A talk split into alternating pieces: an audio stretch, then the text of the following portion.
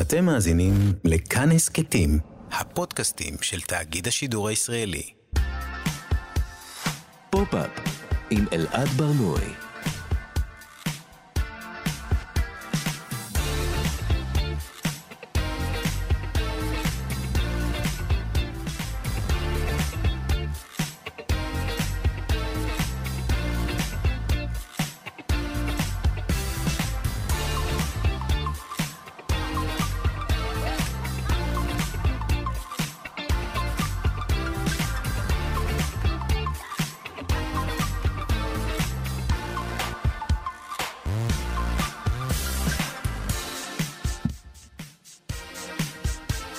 שלום, בוקר טוב, כאן תרבות, אתם על פופ-אפ. אנחנו חזרנו אחרי הפסקה, התגעגעתי, אני יודע שגם אתם. אה, אנחנו מדברים כאן כל שבוע על התרבות שמעניינת באמת. אה, להיטי פופ טראשים, תוכניות ריאליטי, סדרות בנטפליקס ועד טרנדים ויראליים. אנחנו ב-105.3 ו-104.9 FM. ניתן להאזין לנו גם כהסכת, ביישומון של כאן וביישומוני ההסכתים השונים.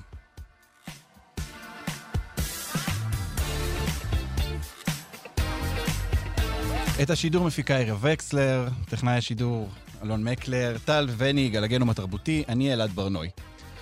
20 שנה חלפו מאז צאת הסרט לא רק בלונדינית, ליגלי בלונד, ובעיני רבים הוא עדיין נחשב לסרט פולחן. למרות שמדובר בקומדיה רומנטית, שמלצית כזאת, שלא לוקחת את עצמה יותר מדי ברצינות, אה, אנחנו ננסה היום להבין אה, קצת את סוד הקסם שלו, איך הוא שרד את מבחן הזמן, אם בכלל, צפינו בו מחדש, גם אני וגם אורחת מיוחדת, אנחנו ננסה להבין אם הוא באמת שרד, וגם אנחנו נרד לשורשים, אגב, צפו להרבה משחקי מילים כאלה היום, לשורשים של דימוי הבלונדינית כטיפשה, כקלה להשגה בתרבות, זה יהיה חגיגות ה-20 ללא רק בלונדינית.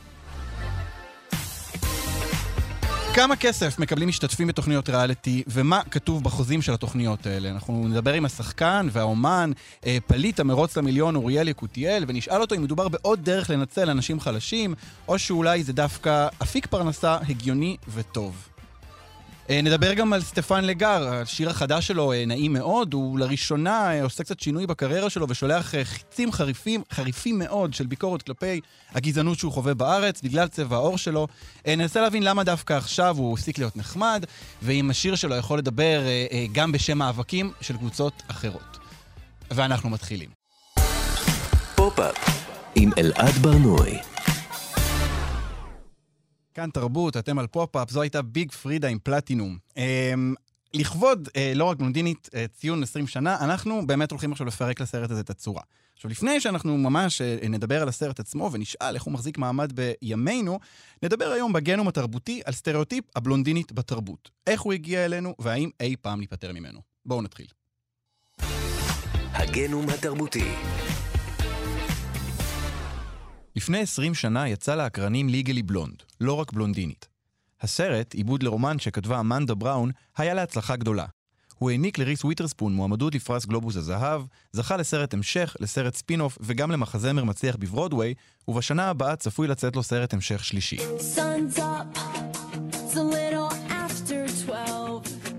לא רק בלונדינית יצא בשלהי תור הזהב של קומדיות התיכון והקולג' האמריקאיות. אמריקן פאי, יש לה את זה, עשרה דברים שאני הכי שונאת אצלך, רגע לפני קץ עידן התמימות בספטמבר 2001. על אף תסריט שלא לוקח את עצמו יותר מדי ברצינות, לא רק בלונדינית הפך עם השנים לסרט מכונן בתרבות הפופולרית. כזה שעדיין אפשר לזהות אזכורים שלו בסרטים, בסדרות, בקליפים וברשתות החברתיות, ונחשב לפורץ דרך בעיסוק שלו בנושאים כמו הטרדה מינית, אחווה נשית ומימוש עצמי. People see when they look at me is blonde hair and big boobs. No one's ever gonna take me seriously. עלילת הסרט עוקבת אחר אל וודס, צעירה בלונדינית קלת דעת ושטחית שלומדת לתואר ראשון באופנה. היא לובשת בגדים ורודים, נוהגת באוטו ורוד, סוחבת לכל מקום כלב צ'יוואווה קטן, ומחכה שהחבר העשיר שלה וורנר יציע לה כבר נישואים. אבל כשוורנר מושיב אותה לשיחה על עתיד יחסיהם, הוא אומר לה שעכשיו שהוא עובר ללמוד משפטים בהרווארד, הוא צריך מישהי רצינית יותר. Well, וורנר אומר שהוא צריך להתחתן עם ג'קי, כלומר טיפוס רציני כמו ג'קי קנדי כהת השיער, ולא עם מרלין מונרו הבלונדינית קלת הדעת. So? אל שבורת הלב מחליטה להוכיח לוורנר שהיא ראויה בשבילו. היא לומדת קשה במהלך הקיץ ומתקבלת בעצמה ללימודי משפטים בהרווארד. כשוורנר פוגש אותה בתחילת השנה במסדרון הקולג' ולא מבין איך היא התקבלה ללימודים, היא שואלת אותו, What, like it's hard? מה, כאילו, זה כזה קשה? אל, שאומנם מתקשה בהתחלה, הופכת לתלמידה מצטיינת, ומוכיחה לכולם, ובייחוד לוורנר, שהם טעו לגביה.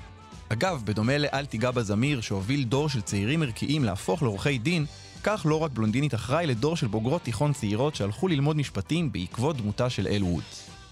ההפרדה שוורנר מסמן בין ג'קי למרלין נטועה עמוק בתרבות האמריקאית ובתרבות בכלל. בכך לא רק בלונדינית מתמודד עם סטריאוטיפ מוכר היטב, דמות הבלונדינית כאישה טיפשה ותמימה, ולעיתים קרובות גם קלה להשגה, סטריאוטיפ שהמקורות שלו קדומים הרבה יותר מדמותה של מרלין מונרו.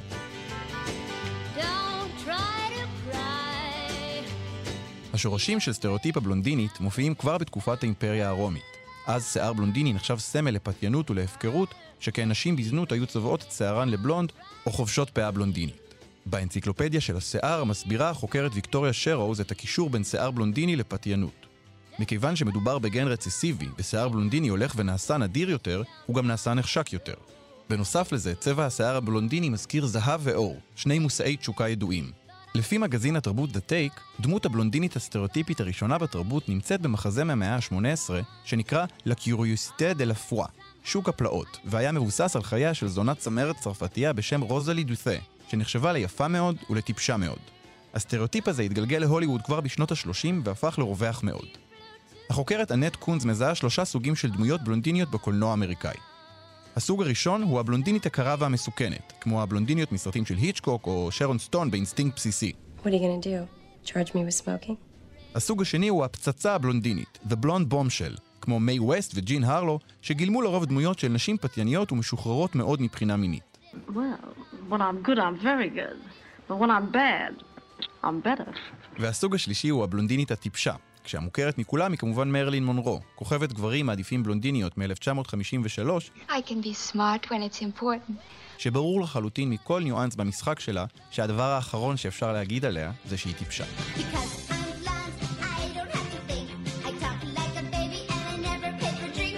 עם השנים, שני הסוגים האחרונים, הפצצה הבלונדינית והבלונדינית הטיפשה, נעשו מחוברים אחד לשני.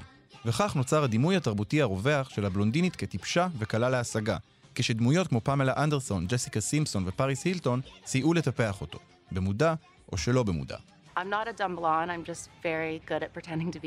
גם אלינו הגיע הדימוי הזה עם דוגמאות כמו דמותה של עוגן מהסיטקום שמש שגילמה אורלי ויינרמן, תמיד צוחקים ואומרים שבלונדיניות הן מטומטמות, אבל זו שמועה ששחורות וברונטיות המציאו, כי אף אחד לא רוצה לצאת איתן. וכמובן הבלונדינית הנצחית, פנינה רוזנבלום, שעל אף שסללה את דרכה המקצועית והפכה לאשת עסקים מצליחה בזכות עצמה, מראה הברבי שלה היה ונותר מקור ליחס לועג. אייל, אני לא אתנצל על זה שאני אישה מאוד מאוד מצליחה. אני הרווחתי את זה ביושר, אני התחלתי מאפס, אני באתי ממצוקות. תשעה קבין של חוכמה ירדו לעולם, ואפילו רסיס לא נפל בחלק ההוא של השולחן.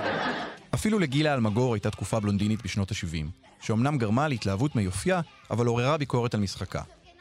הדעה הייתה שאם את יפה, את בטח מטומטמת, ובעיקר אם את בלונדינית, היא אמרה פעם בריאיון. אז לא היו בלונדיות, והפכתי גם לשק החבטה של כל העיתונאיות הברקודות הנוראות מהעולם הזה, ולא יכולתי לעבור ברחוב.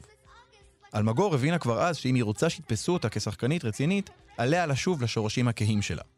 נשים בלונדיניות הוצגו בטלוויזיה, בקולנוע, בפרסומות, מצד אחד כמסתוריות ויצריות, ומצד שני כעלמות במצוקה, נשים עם קול מענפף ותינוקי שנוטות להתעלף בדרך כלל לתוך זרועותיו או מיטתו של גבר חסון.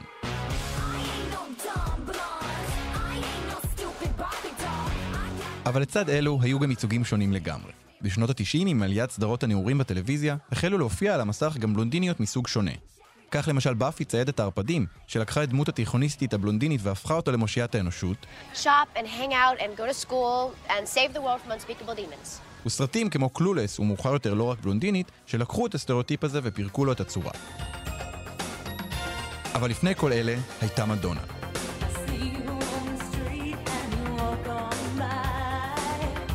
בטור ההופעות שלה משנות ה-80, בלונד אמבישן, במחווה למרלין מונרו, מדונה לקחה את המיניות של האישה הבלונדינית והפכה אותה למקור לכוח ולהעצמה. כבר בשמה מדונה הכילה את המתח שבחלוקה הזאת של נשות העולם לשני סוגים, ג'קי או מרלין, קדושה או זונה. אותה חלוקה שמזכיר וורנר בלא רק בלונדינית. לחלוקה הזאת, כך מתברר, יש היסטוריה ארוכה. כבר בציורים מהמאה ה-14 ניתן לראות את חווה הפתיינית כבעלת שיער בלונדיני ואת מריה הבתולה כברונטית. גם בסדרה מדמן מבינים גברברי משרד הפרסום היוקרתי שכדי למכור חזיות עליהם להבחין בשני סוגים של נשים. Jackie Kennedy and Marilyn Monroe. Every single woman is one of them. ובכלל, כמעט בכל מופע של בלונדינית בתרבות, נמצא לידה חברה או יריבה ברונטית שתפקידה הוא לאזן אותה ברצינות ובכבדות הדעת שלה. כך למשל ג'יין ראסל לצד מרלין מונרו בגברים מעדיפים בלונדיניות, אלקסיס לצד קריסטל בשושלת, וברנדה לצד קלי בבברלי הילס 9210. גם בלא רק בלונדינית מוצגת יריבות שכזאת בין ויויאן הברונטית לאל הבלונדינית. אלא שהשתיים מבינות לבסוף שהחלוקה של נשות העולם לשני סוגים, ושההפרדה המלאכותית הזאת בין יופי לחוכמה, היא למעשה תוצר של סקסיזם, וניסיון נוסף לשלוט בנשים ולגרום להם לחשוב שהן צריכות להיאבק אחת בשנייה כדי להצליח. אם בארצות הברית נוצרה דיכוטומיה בין שחורות שיער לבלונדיניות, אצלנו דווקא נוצר בין כלאיים של שתיהן, השחורדינית. הכינוי הזה, שנאמר בדרך כלל בגנאי, כמו מבקש לחשוף את הזיוף מאחורי נשים כהות שיער, לעתים קרובות מזרחיות, שבחרו לחמצן את השיער ולהתחזות למה שהן אינן. אחת הדוגמאות לזה היא מרגלית צנעני, שבעטיפת אלבומה "שמור אותי" מ-1987, הציגה שיער מחומצן לעילה בהשראת מדונה, מה שעורר תגובות לועגות מכל עבר, שהרי מה למרגול ולבלונד? והנה, בטקס המשואות ביום העצמאות תשפ"א, עלתה מרגול להופיע, אמנם בשיער חום, אבל עם מה שנראה כמו מתיחת פנים ומילואים בלחיים, וזכתה לגל נוסף של לעג ועלבונות, כאילו שנשים מבוגרות אינן נדרשות להתיישר לפי מודלים של יופי כדי לזכות בקצת זמן מסך. לא רק בלונדינית היה ונחשב עד היום לאירוע תרבותי משמעותי. הוא לא ניסה להוכיח לכולם שגם בלונדיניות יכולות להיות חכמות, הוא חשף את האופן המעוות שבו העולם שופט נשים לפי המראה החיצוני שלהן, ואת מנעד האפשרויות הצר שנשים נאלצות להתיישר על פיו. מסר שלמרבה הצער מסרב להתיישן. 20 שנה חלפו מאז אל וודס, ונדמה שלא הרבה השתנה בכל מה שקשור לנשים על המסך. או שאת בלונדינית מדי, או שאת לא בלונדינית מספיק. או שאת יפה מדי, או שאת לא יפה מספיק. או שאת משופצת מדי, או שאת לא משופצת מספיק. ונראה שכבר הגיע הזמן שהדבר הזה ישתנה. מהשורשים אל הקצוות. כי כמו שאל וודס שואלת, מה, כאילו, זה כזה קשה? פופ-אפ עם אלעד ברנועי. כאן תרבות, אנחנו ממשיכים לדבר על לא רק בלונדינית שחוגג 20, ועכשיו נשוחח עליו עם מאיה רומן, אחת ממייסדות ומנכ"לית פוליטיקלי קוראת, שצפתה בו מחדש עבורנו. שלום מאיה. שלום אלעד, איזה כיף. זהו, אז אה, בואי תספרי, איך היה לצפות בו מחדש? אני חייבת לומר שחששתי שאולי הוא יתיישן, אולי אני אראה בו דברים בעייתיים. זהו, וכו', כי אבל... צריך להגיד שהרבה סרטים שאנחנו זוכרים כחזקים ואפילו חתרניים, רואים אותם ופתאום רואים עלי דברים שפספסנו. לגמרי, לגמרי, אבל דווקא אני חושבת שהוא אחד הסרטים שלגמרי מחזיקים. אה, היה ממש כיף לצפות בו, מצאתי את עצמי אפילו אה, מזילת דמעה. אה, כאילו ז'אנר הזה של אה, פמיניזם העצמה, הוא יכול להיות מאוד, אה, אפשר להיות מאוד ציניים כלפיו, אם אנחנו, בעיקר אם אנחנו אקטיביסטיות פמיניסטיות, אבל אני חושבת שדווקא בסרט הספציפית הזה יש משהו, משהו מעבר. אה, והוא מתבטא כאילו ממש ב, בדברים הקטנים שהיו בקלות יכולים להפוך להיות מאוד בעייתיים, אבל אתה רואה שניתן להם טיפול עם מחשבה באמת אה, מעמיקה שמסתכלת על הסוגיות שהם אה, מעלים. אוקיי, מה- מה מה אה, למשל? בואו בוא, בוא נדבר על דוגמה מתוך הסרט. למשל, אני חושבת שבקלות מאוד הסרט היה יכול לראות, להיות, תראו את הבלונדינית הטיפשה הזאת, שבגלל שהיא לא התחתנה עם הבחור שרצה להתחתן איתו, הלכה להרווארד ועכשיו היא נהייתה מישהי רצינית. ושם אולי היה את המסר שלה תמיד יכולה להיות מישהי רצינית, אבל זה עדיין היה משמר את המחשבה הזאת ש... אז אם את אה, סתם בלונדינית שרוצה ללמוד עיצוב אופנה, את לא בסדר. אבל הסרט מההתחלה לא אומר את זה. אחת הסצנות הראשונות, עוד מלפני שוורנר נפרד מאל, אנחנו רואים אותה נכנסת לחנות אה, בגדים, והמוכרת, גם ברונטית, והתקשר למה שזה, אה, מרחלת עליה ואומרת לחברה שלה, הנה תראי איך אני עכשיו אמכור לה את השמלה הזאת שהיא בסייל במחיר מלא. כן, היא, אומר, היא אומרת, אין דבר שאני אוהבת יותר אה, מבלונדינית בדיוק. עם, ה, עם האשראי של אבא. בדיוק. ואז אה, כשהיא באה למכור לה את השמלה, אנחנו רואות שאל היא בחורה מאוד אינטליגנטית וחכמה, שמבינה מאוד באופנה, שזה מה שהיא לומדת באוניברסיטה, אה, וישר עולה למשחק שלה וגם מתחכמת כאילו עליה ומצליחה להפיל אותה בפח, אה, ואומר לה, בחרת בחורה הלא נכונה. ובעיניי כבר שם אנחנו רואים שהסרט לא נופל למחשבה הזאת של תראו את הבחורה הטיפשית והחלולה הזאת שלא מבינה בשום דבר חשוב. הוא אומר לנו, לא, היא מבינה בדברים מסוימים, והיא לא הולכת למקומות אחרים, בין היתר כי לא דחפו אותה אליהם. אה, ואני חושבת שיש בזה משהו נורא מעניין ואפילו חתרני, כי בעיקר היום, אה, כשאנחנו, יותר ויותר אה, פמיניזם נכנס לתרבות הפופולרית ויש יותר ויותר ניסיון להביא לנו דמויות של נשים שהן בעלות סוכנות ועושות דברים וכן הלאה, אבל עדיין יש את ההפרדה הזאת שהיא מלווה בטונים מיזוגנים, שאומרת, יש סוג ידע נחשב, ויש סוג ידע פחות נחשב. Mm, כלומר, uh, כלומר uh, ידע שאישה צריכה לצרוך אותו, להגיע אליו, ורק אז היא תחשב למישהי שבאמת הגשימה את עצמה, מימשה את עצמה. גם, וגם פשוט ידע שהוא כאילו מזוהה עם נשים, איכשהו בחברה ובתרבות שלנו, הרבה פעמים הוא כאילו פחות פחות שווה, פחות קשה, פחות טה-טה-טה. כאילו זה מאוד מוטמע, כי המקצועות, אנחנו יודעים שמקצועות שיש בהם רוב נשי, תמיד השכר בהם יורד. Mm. וזאת אומרת, יש פה ממש תהליך של, אני במקרה גם חוקרת פילוסופיה של המדע, אז אני יכולה להגיד שלמשל גם בעולם של המדע מאוד רואים את זה. זאת אומרת, אה, תחומים שנשים נכנסות אליהם, פתאום הופכים להיות פחות מדעיים. כמו ביולוגיה נניח, ah. ותחומים אחרים שמנסים לשמור על עצמם, ממש אומרים, לא, אל, בוא לא נהיה מזוהים עם נשים כדי לשמור על היוקרה הזאת. למשל הפיזיקה. כן, האמת שאולי דוגמה, דוגמה מאוד קלאסית לדבר הזה זה, זה חינוך. אה, מורות, כלומר, נכון. אה, השכר של מורות באופן אה, גורף הוא די נמוך. אם זה היה מקצוע גברי, אני מתאר לעצמי שזה היה הפוך. אז בעצם אנחנו רואים בסרט שתחומים כמו, כמו טיפוח ועיצוב, לא מזלזלים בהם שם. בדיוק, ול, ו, ולהפך, זאת אומרת, אומרים, שימו לב, לאל יש פה ידע בעל ערך, והיא אומנם מן הסתם קיבלה את הכלים שהיא קיבלה בהרווארד, וזה היה מאוד חשוב, אבל היא מצליחה תודות לידע הזה, היא לא צריכה להתנער מהידע הזה, היא לא צריכה להפוך להיות מישהי אחרת ו- ושלהפסיק כאילו להתעניין בדברים שהיא מתעניינת, וזה חוזר שוב ושוב, גם כמובן עם ה setting של ה... אה, סלון אה, ציפורניים, ששם היא פוגשת את אה, פולט, חברתה, ובסוף גם שם פוגשת את הפרופסור שלה, שדוחפת אותה לא להתייאש ולהמשיך הלאה. כן, כן. שוב, מקום כאילו שאומרים לנו, הנה זה מקום חשוב, שנוצר בו bonding נשי חשוב. גם כמובן, במשפט עצמו, שזה מבחינתי, זה הרי הרגע האיקוני, נכון. בשתי פעמים, נכון. גם כאשר היא מבינה שה... אה, מנקה הבריכה הוא הומו בגלל אה, ההבנה שלו באופנה. נכון, הוא מעיר לה על, על הנעלי פראדה שלה, ואז היא אומרת, רגע, אם הוא מבין בנעלי פראדה, אז הוא בטח הומו, ולכן העדות שלו היא שקר. כן, עכשיו זה ייתכן התיישן מעט, שהיום כנראה לא היו עושים את זה ככה. דרך אגב, צריך, צריך אולי להגיד, אפרופו התיישן, במחזמר של אה, לא רק בלונדינית, יש number שלם שמוקדש לקטע הזה, שנקרא Gay or European, שמנסים להבין האם הוא הומו או שהוא פשוט אירופאי, שזה גם משהו שלא ממש שורד את מבחן הזמן. כן, כנראה פחות. אבל, אה, אבל עצם זה שכאילו אומרים, הנה, הידע שלה הוא חשוב, וכמובן בסצנה האיקונית בסוף עם ה... perm עם הסלסול, ושהיא מבינה שלא יכול להיות שהיא התקלחה בגלל שזה עוצר את פעולת האמוניום, ה glycolate ו whatever. כלומר, כל, כל, ה, כל התעלומה של, ה, של המשפט, כל הפתרון של, ה, של המעשה הזה הוא בזכות הידע של אה, אל וודס בטיפוח שיער. בדיוק. אה, ששוב, היה אפשר לראות את זה כ, אה, הנה משהו מטופש וצצה, אבל בעיניי באמת יש פה אמירה שהיא מעניינת, שאומרת, לא, היא, היא יודעת דברים, היא יודעת דברים שקשורים לעולם, שבו טוב לה ובו היא גדלה, וזה מאוד, שוב, גם היא עצמה, אנחנו רואים, בעצם נחשפת לעולם אחר, וזה מוציא ממנה דברים מאוד טובים שהיא אוהבת, והיא ממשיכה לטפח. וזה בעיניי המסר היפה בזה, הוא לא דורש ממנה מה שהרבה מאוד פעמים דורשים מנשים, לוותר, תוותרי על איזשהו חלק בך. או שאת בלונדינית, או שאת אוהבת... אה, בגדים וטטטה, או שאת עורכת דין מצליחה. אבל אם את שניהם, כאילו את לא יכולה להיות שניהם, כי האחד הוא כביכול נוגד את השני, ופה הסרט בא ואומר, לא, ממש לא.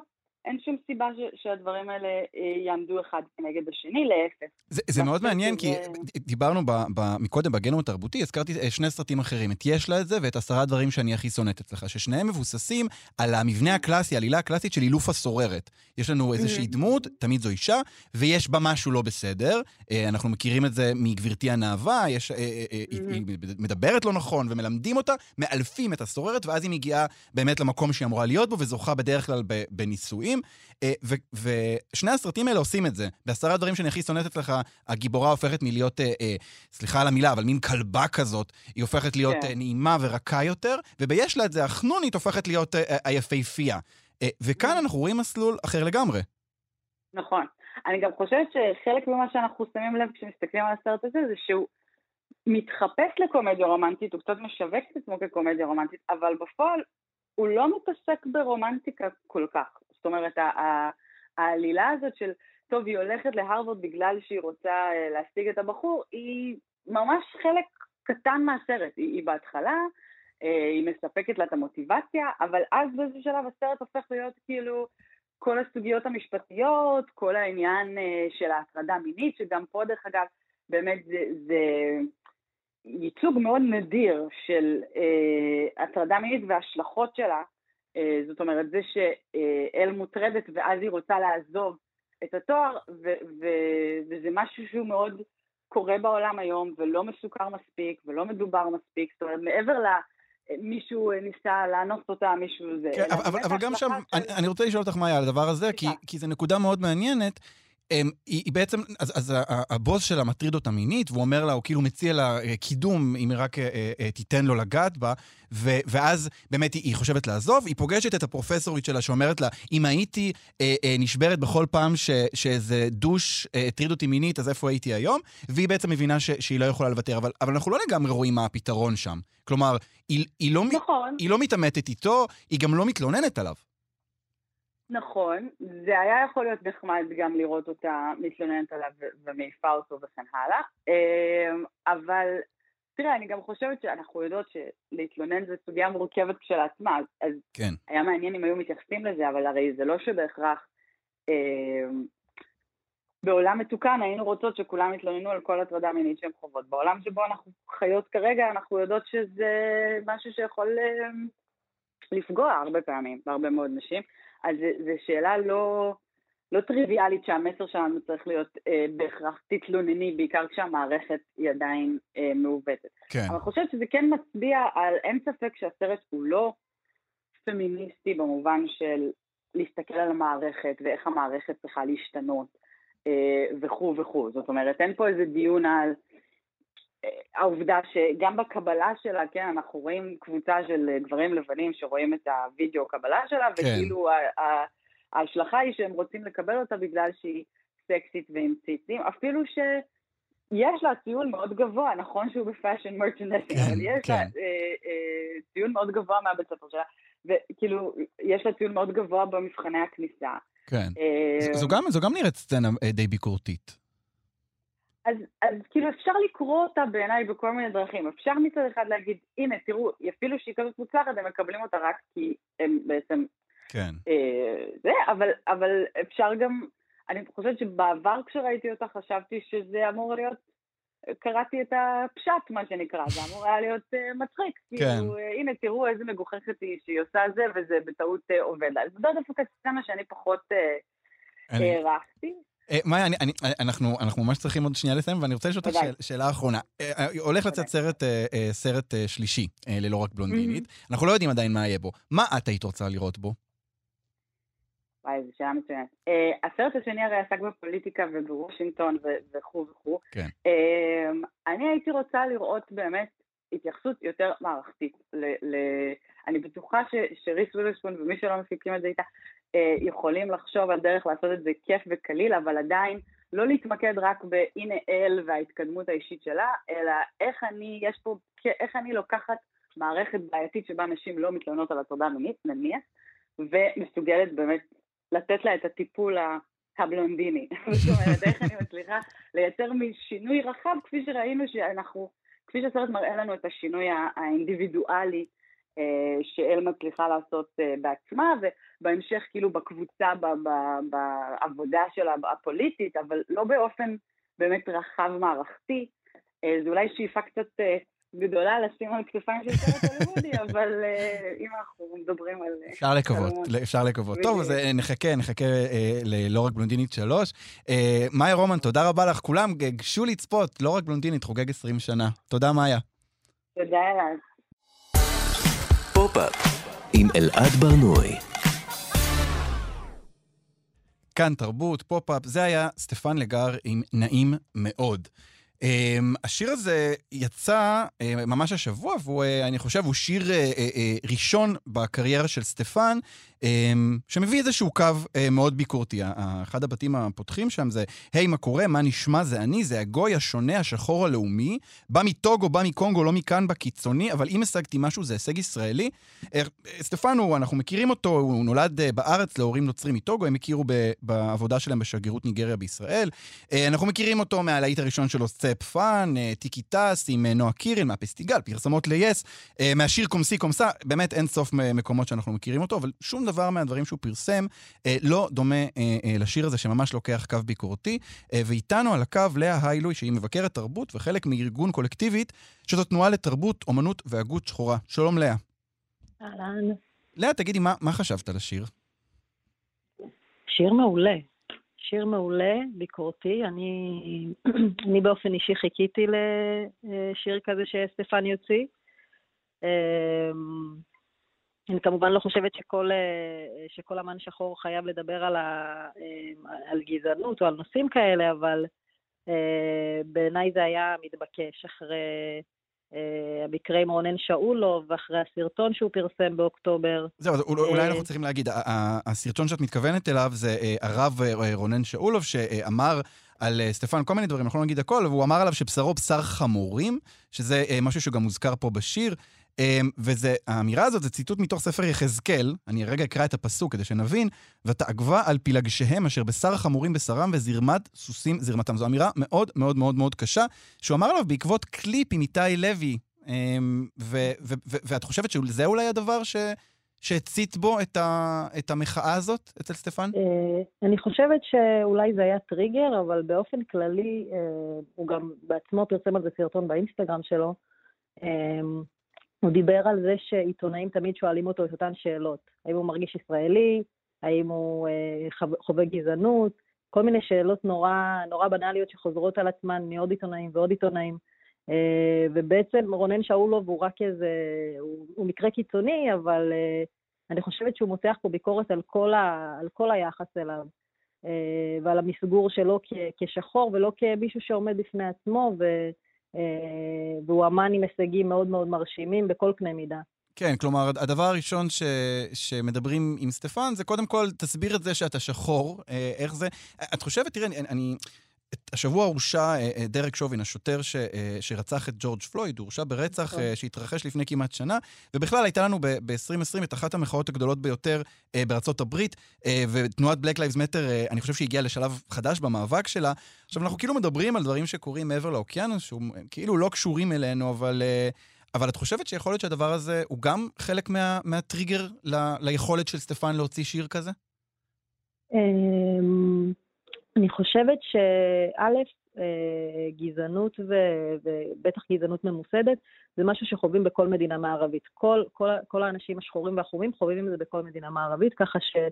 אמ, ה- כלומר, זה, זה קשור בהחלט ל-Black Lives Matter ולאיזשהו אה, אה, תנועה יותר גדולה עולמית, גלובלית, שכש, שיוצאת נגד גזענות, אבל אה, זה גם מאוד מאוד מחובר ללוקאלי, כלומר, החוויות שלו פה. אה, ככה שזה גם, אה, הוא מדבר גם על חוויה שהיא לוקאלית וגם על חוויה שהיא גלובלית, ובגלל זה אני חושבת ש, שהרבה הרבה, הרבה אנשים יכולים להתחבר לשיר הזה. זהו, כאילו, הוא, הרבה הוא אנשים- כאילו מדבר בתור, אני מסמר במרכאות, בתור גוי בישראל, ככה הוא קורא לזה, אבל, אבל זה שיר שגם אה, אה, אה, קהילות אה, אה, אתיופיות, יהודיות, יכולות אה, להתחבר אליו לדעתך? מהמם. לגמרי, כי א', הסיבה הבסיסית ביותר שבגללה היהדות של אתיופים מוטלת בספק היא השחורות. כלומר, Mm. זה, זה, ומפה מפה אפשר להבין שהחיבור הוא חיבור טבעי. אה, לסוגיות ש, שסטפן מעלה ולביקורת שהוא מעלה.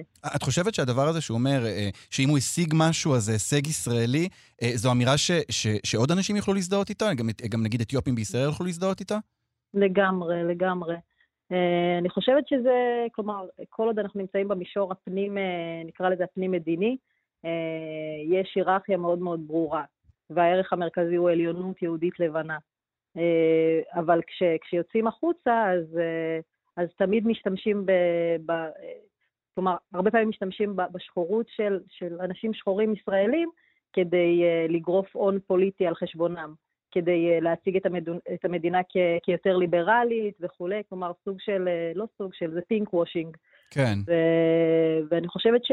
שעל זה הוא מדבר. גם, אולי גם יכול להיות שזה שהוא הוא בעצם השתחרר עכשיו מהצבא. אה, ויכול להיות שזה גם מחזק את התחושה הזו. בתחילת הקליפ רואים אותו עם מדים, אה, והמפקד מבסוט, אבל אז הוא כזה מסתכל על השיער שלו, ורואה מי הוא באמת, כאילו, ויכול להיות שיש משהו ב... בתחושה הזאת שכזה, עשיתי כל מה שביקשתם ממני, אפילו התגייסתי לצבא, ואתם עדיין לא רואים אותי כישראלי. אני חושבת שזה, כלומר, אני לא יודעת למה סטפן התכוון, אבל אני חושבת שזה אף פעם לא, זה לא צריך להיות תנאי. כלומר, גם מי שלא עשה צבא, צריך להתייחס אליו בצורה שהיא אה, מקבלת ושוויונית, וזה אפילו לא מדד. אני חושבת שהוא פשוט, אה, יכול להיות שהוא מדבר מתוך החוויות האישיות שלו באמת, כן. כן, כן. אמ, את יודעת, אה, דיברנו על, הזכרנו את Black Lives Matter, אה, אה, אנחנו רואים באמת עכשיו בתרבות האמריקאית הרבה יותר ייצוג שחור, אני חושב שנעשה שם איזשהו שיפט, לפחות למראית עין, יש גם יותר טקסטים ביקורתיים. זה יגיע גם אלינו, לדעתך? זה כבר קורה, כלומר, אני, אני באופן אישי רואה שיש, שיש איזושהי מגמה של, אפשר לקרוא לזה התעוררות פוליטית, אפשר לקרוא לזה אה, ביקורתיות במידה אה, רבה יותר. כלומר, בארצות הברית יש מסורת מאוד מאוד ארוכה של, של תרבות שחורה ושל ביקורת, אה, ואני חושבת שפה דברים הרבה יותר, כלומר, בגלל עניין היהדות ובגלל המורכבות הספציפית של, של המדינה הזו, אז דברים הרבה יותר, לדברים לוקח זמן הרבה יותר, בוא נגיד, להגיע לרמת הביקורת הזאת. כן. אה, אבל לגמרי, לגמרי. אני חושבת ששוב, קורה משהו יש תנועה מאוד אה, משמעותית בעולם אה, של, של ביקורת ושל יציאה נגד המערכת, ואני חושבת ששחורות זה גם חלק מזה. אז לגמרי, זה מגיע לארץ, ואני חושבת שבשנים הקרובות אנחנו נראה, זה ייכנס למיינסטרים גם. כן. טוב, באמת, זה, גם, זה נושא שאנחנו דיברנו עליו כאן בתוכנית, ואני גם בטוח שנדבר עליו עוד. אה, אם כי אני מקווה שבאיזשהו שלב כל הסיפורים האלה פשוט יפסיקו אה, להיות רלוונטיים. אה, דיברנו על נעים מאוד של סטפן לגר. לאה היילו, אני רוצה להגיד לך תודה רבה. בשמחה.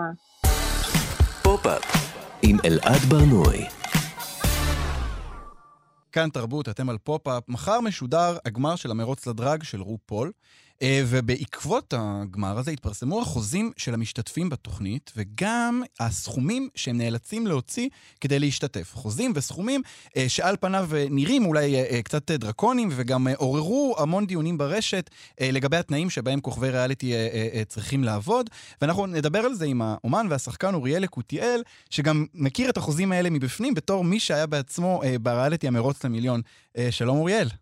שלום, שלום, בוקר טוב, מה העניינים? בסדר גמור, אז, על מה בעצם אנחנו מדברים? ממה, ממה אנשים אה, אה, נבהלים מהחוזים האלה? ממה אנשים נבהלים מהחוזים האלה? אנשים, אני חושב, אה, מגיעים, ל... מגיעים לדברים האלה באיזו מין מחשבה שאנחנו הולכים אה, ליצור ביחד אומנות כיפית ומגניבה, וכולם הולכים אה, לראות אותנו, וכולנו הולכים לזכות לחשיפה, ואנחנו הולכים להיות כולם מפורסמים, ו... לא מבינים שמאחורי כל דבר כזה עומדים אה, אה, סוללה של אנשי עסקים אה, מאוד מאוד ממולחים, אה, בדרך כלל אמריקאים, או לפחות בהשפעה אמריקאית, שכל מה שמעניין אותם זה אה, לעשות מה שתוכניות טלוויזיה עושות, וזה להכניס כסף עבור החברה אה, שמשדרת אותן. אז אה, אני חושב שהרבה פעמים אנשים רואים דברים כמו... אה, ה-NDA, ה-Non-Disclosure Agreement, ההסכם שעל פיו אסור לך לספר שום דבר שקורה, כן. אמ, שיש עליו אה, אה, כל מיני אה, קנסות מטורפים במקרה וגילו כי סיפרת משהו, או שאנשים נבהלים שהם רואים המשתתפים בתוכניות האלה הם אה, מחויב, חתומים למעשה או מחויבים תחת החברת הפקה שהפיקה את התוכנית גם אה, חצי שנה או שנה או שנתיים קדימה. וג, וגם לפעמים יותר מזה, לפעמים אומרים למשתתפים שהם מחויבים להגיע לכל אירוע של התוכנית, למשל במרוץ הדרג של רופול, שהן מחויבות להגיע לכל גמר אה, אה, של התוכנית גם שנים קדימה. כן, עכשיו, אני אגיד כזה דבר, אה, בחוזים האלה הרבה פעמים כתוב הרבה דברים, בין מה שכתוב לבין מה שניתן לאכוף מבחינה משפטית, הרבה פעמים יש מרחק גדול מאוד. Mm. זאת אומרת, גם אם רשום דברים בחוזה, וגם אם החוזה הזה נחתם, אה, זה לא אומר שהדברים שכתובים בחוזה הזה בהכרח אה, חוקיים, או שניתן לאכוף אותם. זאת אומרת, אם מישהו, אם כתוב בחוזה הזה, את מחויבת להגיע לגמר אמ, שלוש, ארבע, חמש שנים קדימה, ושנה אחרי לא בא לך לבוא לגמר, אף אחד לא ייקח אותך לבית משפט, כן? אני מבין, אה, כן. יותר מזה, גם אם ייקחו אותך לבית משפט, סביר להניח שאי אפשר באמת, זאת אומרת, זה לא חוקי להכריח בן אדם לעשות את זה, אז זה לא בהכרח חוקי שיהיה אפשר לאכוף את, ה, את, החוק, את הסעיף הזה בחוזה, אז לא תמיד יש לזה כל כך הרבה משמעות. כן, אני, אני רוצה לשאול אותך על העניין של התשלום. אתה יודע, אני, אני בכלל, עד לא מזמן, אני בכלל לא העליתי על דעתי שמשלמים למשתתפים בריאליטי. אמרתי לעצמי, הם מקבלים מזה פרסום, אה, הם מקבלים, הם הולכים אחרי, אתה יודע, הולכים אחרי זה להשקות ולכל מיני אירועים, ועל זה מקבלים כסף, אבל בעצם הם מקבלים כסף על כל פרק שהם משתתפים, כמו שחקנים, כמובן הרבה פחות. אה, ראיתי כמה חוזים בארצות הברית, שהסכומים שם נעו אה, אה, בין 400 ל-800 דולר לפרק. אה, כמה משלמים בארץ למשתתפים בריאליטי? זה גם הולך לפי תוכנית? אה, קודם כל, לא משלמים בהכרח. זאת אומרת, יש Mm. הבדל בין אמ, ריאליטי תחרות, זאת אומרת, אה, ריאליטי שבסופו זוכים במשהו מאוד מאוד גדול, כן. אה, ואתה מתחיל אנונימי, לבין ריאליטי כמו האח הגדול VIP, שבו אתה לא מתחיל אנונימי, וההבדל הוא מה אתה מביא איתך, מה אתה תורם לתוכנית. זאת אומרת, אם השם שלך, אה, כ- אם השם שלך זה שולה זקן, לדוגמה, כן. ואת מביאה איתך אה, פרסום ומוניטין מסוים לתוכנית, אז את שווה 300 אלף שקל. כן, אבל, אבל, אבל נגיד אנחנו, מדבר, אנחנו מדברים על מתמודדים על אלמונים. על אנונימיים, כן. אולי בארצות הברית משלמים אשכרה פר פרק, בגלל שיש שם, זה קצת יותר ממוסד שם. כן. אה, פה לא משלמים. זאת. אומרת, אם, אה, אלא אם אתה בא כסלב כבר מראש, לא משלמים. אתה חושב שאנשים, נגיד מישהו רוצה עכשיו להשתתף בריאליטי, וזה ריאליטי שהוא צריך להיות אה, סגור איפשהו, אז, אז הוא בעצם צריך להתפטר מהעבודה שלו, אה, אם זה נגיד לחודש. כן. כלומ- כלומר, אנשים יכולים להיכנס ל, ל, ל, לבתים האלה, לתוכניות האלה, ולצאת מזה בנזקים כלכליים רציניים. יפה מאוד. אי לכך, אם אתם לא בטוחים שזה בשבילכם, אז כדאי שלא תיכנסו. כל אלה שמאזינים ואוהבי ריאליטי, ומתל- והדברים האלה נשמעים להם מאוד מאוד קיצוניים, יש להבין שלא מדובר פה במחנה קיץ של הצופים. כן, אוריאל, אבל, אבל, אבל כן אפשר להבין למה אנשים מתקוממים מזה שתוכנית שעושה המון כסף אה, אה, לא תשלם למשל למתמודדים, אפילו אם הם אה, אנונימיים. אני אישית לא מבין את זה, אני חייב להגיד, כן? אני אישית אה, אומר דבר כזה, זאת אומרת, אם יש פרס בסוף, ואתה הולך להתחרות על הפרס, אז הפרס זה התשלום. אם לא, אתה באמת לא חייב, כן? כן. לא מדובר פה במשהו שהכרחי לחיות. כן. טוב, אז, אז אנחנו מזהירים את, את קהל הצופים אה, אה, מריאליטי שלא משלמים. קחו בחשבון שזה עלול לעלות לכם הרבה. אה, אוריאל, אנחנו ממש צריכים לסיים, ויש לנו דקה. אני רוצה רק להגיד, יש לך תוכנית רשת חדשה, נכון? קוראים לה עד הסוף. תספר לנו במשפט וחצי מה זה ואיפה צופים בזה. אה, במשפט וחצי. עד הסוף זו תוכנית שבה אה, אנחנו הורדנו, הורדתי את כל הפילטרים מהכל. זו תוכנית אה, שמשודרת בערוץ יוטיוב שלי, אוריאל יקותיאל ביוטיוב. זו תוכנית שבה מותר לדבר על הכל, בלי מחסומים פוליטיקלי קורקטים למיניהם, מ... אה, אני לא יודע מה מותר להגיד בת- בתסכית שלך, אבל מסיפורי סקס ועד מיטו ופוליטיקה. גם, שזה גם נושא שנורא נורא מפחדים לדבר עליו בזמן האחרון. כן, כן. תוכנית שבה אני יושב ומדבר כל פרק עם... בלי זהירות. אה, אז אה, טוב, אז אנחנו נשלח את כל המצפות. אני, אגב, צפיתי כבר בשלושה פרקים ומאוד מאוד נהניתי, אז אני ממליץ אה, לכולם עד הסוף. והיום יוצא פרק חדש, אז חברים, מי שלא צפה, להיכנס מיד, מיד אוריאל להיכנס. ולצפות וליהנות. אה, אוריאל יקותיאל, תודה רבה לך. וזהו, אנחנו סיימנו פופ-אפ בכאן תרבות. אה, אתם מוזמנים לעקוב אחרינו בדף הפייסבוק של, אה, של כאן תרבות. אה, את כל השירים של התוכנית אפשר למצוא בפלייליסט מתעדכן בחשבון האינסטגרם שלי, תחפשו אותו.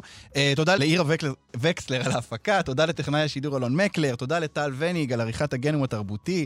אני אלעד ברנוי, נסיים עם אחת הבלונדיניות האהובות עליי בעולם, אוליביה ניוטון ג'ון, Twist of Fate. להתראות.